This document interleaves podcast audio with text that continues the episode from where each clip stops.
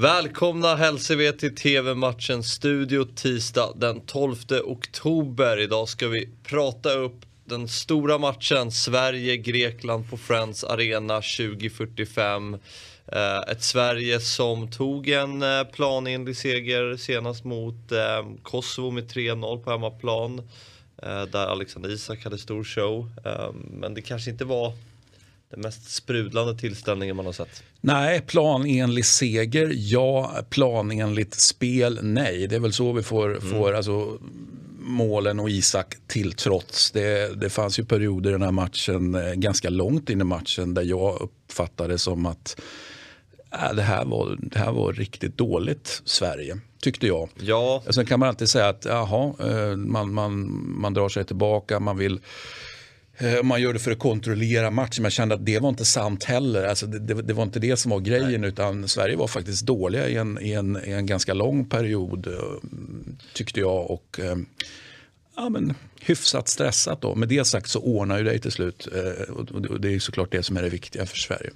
Ja, det var ju där i början av andra halvleken som Kosovo har mm. ganska mycket tryck och de skapar ju ganska farliga mm. lägen också. Robin Olsson gör ju en ja, bra räddning som kunde resultera i ett mål och sådär. Så det, det, var lite virrigt. Man kände att okay, nu kan det bli ett baklängesmål här. Men... Nej, och då får man väl skylla på, på liksom de här eh, frånvaron i, i backlinjen kanske. Att det möjligtvis smittade av sig på laget. Det kan man ju bara, alltså det är önskvärt att en viss typ av frånvaro inte smittar. Men det är möjligt att det fanns en sån backlinjesmitta då som spred sig.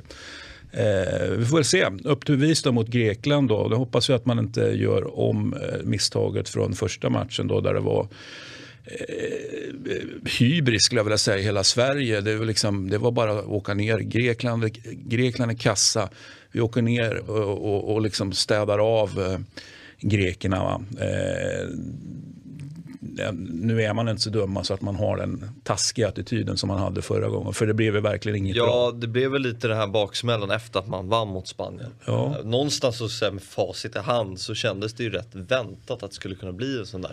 Efter den urladdningen man hade mot Spanien. Ja, jag var inte ett dugg förvånad utan satt i olika program och, och varnade just för det och sa att eh, det blir kryss där. Mm. Passa er för Grekland. Så jag säger Eh, här tror jag väl kanske ändå att, att Sverige vinner, men jag säger återigen då, passa er för Grekland. Grekland är inte så kassa som, som alla i Sverige tror. Nej, och det är ju väldigt uh, viktig match för mm. Sverige. Vinner man så kliver man förbi Spanien mm. inför de två avslutande gruppspelsmatcherna. Um, tror du att Sverige tar den här gruppsegern? Man har ju Spanien kvar. Ja, vi får se. Jag nöjer mig med att konstatera att jag tror att man ändå besegrar Grekland nu. Och det, är, det är bra att Lindelöf är, är tillbaka mm. i laget så att vi får Eh, om, om det nu var det som så att säga, spred sig i lag, vi, vi får väl se. Ja, det är liksom. all, alltid att, svårt att säga sådär var problemet låg, men jag håller med att det, det, var en period i matchen där det såg lite virrigt ut. Men hur bra tycker du Alexander Isak är? Ja, men han är bra, eller så är han väl mycket bra. Eh, alltså jag, jag jag går liksom inte i taket. Eh, alltså all, alla håller på att gå i Isak-taket. Liksom. Jag, jag, jag, tar det ganska lugnt. Mm. Tycker att det är en fin fotbollsspelare. Det ska bli spännande att se vad han hittar på i framtiden.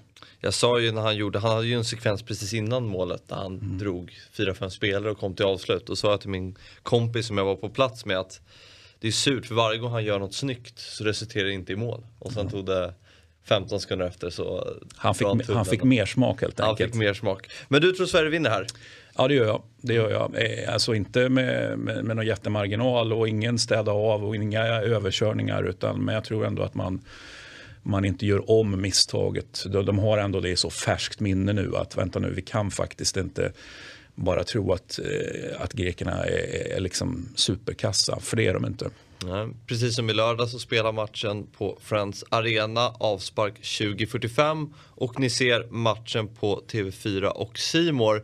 Nu till ett lag som, eller ett land som verkligen har pulveriserat sin kvalgrupp. Det är ju Danmark mm. i eh, som har sju segrar och sju möjliga, 26-0 i målskillnad. Går som tåget.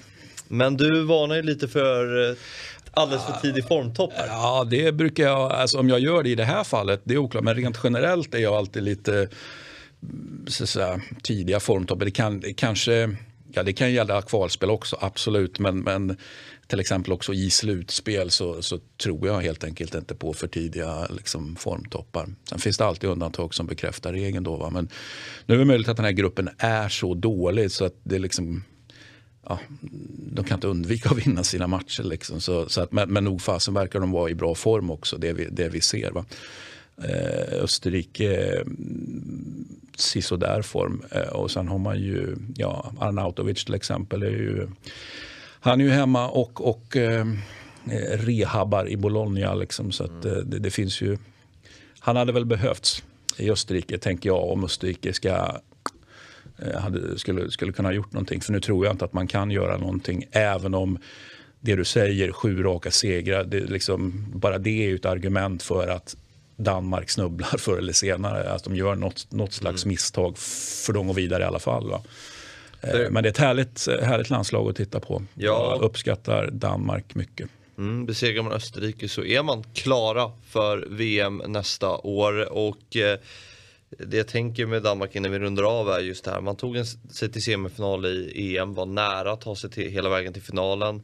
Och nu alltså det här facitet i, i kval, mm.